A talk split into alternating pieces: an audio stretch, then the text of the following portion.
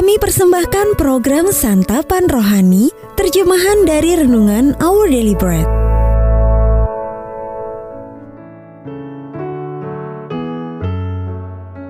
Sahabat UDB, pembacaan Alkitab hari ini terambil dari keluaran pasal yang ke-12 ayat yang kelima sampai dengan ayat yang ke-13.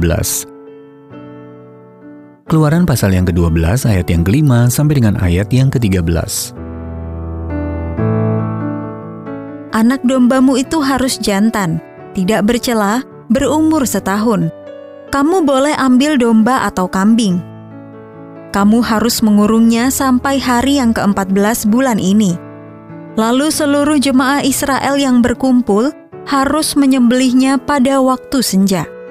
Kemudian dari darahnya haruslah diambil sedikit dan dibubuhkan pada kedua tiang pintu dan pada ambang atas pada rumah-rumah di mana orang memakannya. Dagingnya harus dimakan mereka pada malam itu juga. Yang dipanggang mereka harus makan dengan roti yang tidak beragi beserta sayur pahit. Janganlah kamu memakannya mentah atau direbus dalam air, hanya dipanggang di api, lengkap dengan kepalanya dan betisnya dan isi perutnya. Janganlah kamu tinggalkan apa-apa dari daging itu sampai pagi. Apa yang tinggal sampai pagi, kamu bakarlah habis dengan api. Dan beginilah kamu memakannya. Pinggangmu berikat, kasut pada kakimu, dan tongkat di tanganmu. Buru-burulah kamu memakannya. Itulah Paskah bagi Tuhan. Sebab pada malam ini aku akan menjalani tanah Mesir, dan semua anak sulung dari anak manusia sampai anak binatang akan kubunuh, dan kepada semua Allah di Mesir akan kujatuhkan hukuman. Akulah Tuhan. Dan darah itu menjadi tanda bagimu pada rumah-rumah di mana kamu tinggal. Apabila aku melihat darah itu, maka aku akan lewat daripada kamu. Jadi tidak akan ada tulah kemusnahan di tengah-tengah kamu apabila aku menghukum tanah Mesir. Ayat Mas Renungan hari ini terambil dari keluaran pasal yang ke-12 ayat yang ke-13. Apabila aku melihat darah itu, maka aku akan lewat daripada kamu. Judul renungan kali ini, Kematian yang Menghidupkan, ditulis oleh Mike Whitmer. Sahabat ODB, Carl sedang berjuang melawan kanker dan membutuhkan transplantasi pada kedua paru-parunya ia memohon agar Allah memberinya paru-paru baru. Tetapi merasa aneh dengan duanya sendiri, ia merasa tidak enak berdoa seperti itu. Karena seseorang harus mati agar aku dapat hidup. Dilema yang dihadapi Carl menyoroti kebenaran mendasar kitab suci. Allah memakai kematian untuk memberi kehidupan. Kita menyaksikan hal tersebut dalam peristiwa keluarnya bangsa Israel dari Mesir – Bangsa yang lahir ke dalam perbudakan itu begitu menderita di bawah penindasan Mesir. Karena Firaun tidak mau melepaskan mereka. Allah sendirilah yang turun tangan.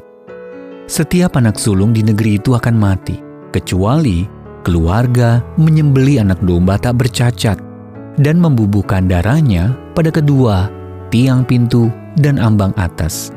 Keluaran pasal yang ke-12 ayat yang ke-6 sampai dengan ayat yang ke-7.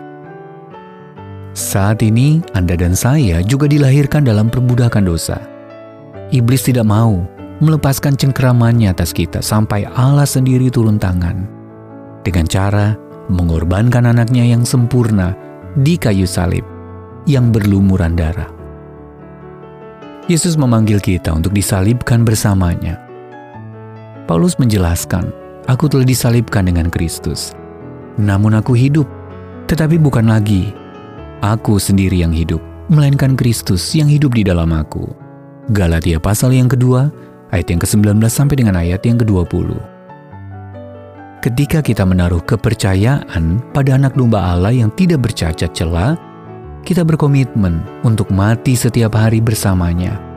Mati terhadap dosa-dosa kita supaya kita dapat bangkit bersama dia dalam hidup yang baru. Roma pasal 6 ayat yang keempat sampai dengan ayat yang kelima. Kita menunjukkan iman kita setiap kali mengatakan tidak kepada belenggu dosa dan mengatakan ya pada kebebasan yang diberikan Kristus. Kita sungguh hidup ketika kita mati bersamanya. Sahabat ODB mengapa kematian menjadi satu-satunya jalan menuju hidup? Dan bagaimana cara Anda menunjukkan bahwa Anda telah menerima kematian Yesus bagi diri Anda? Tuhan Yesus kematianmu menghidupkanku. Tolonglah aku untuk mati terhadap dosa hari ini dan menjalani hidupku dengan kuasamu. Our daily bread ministries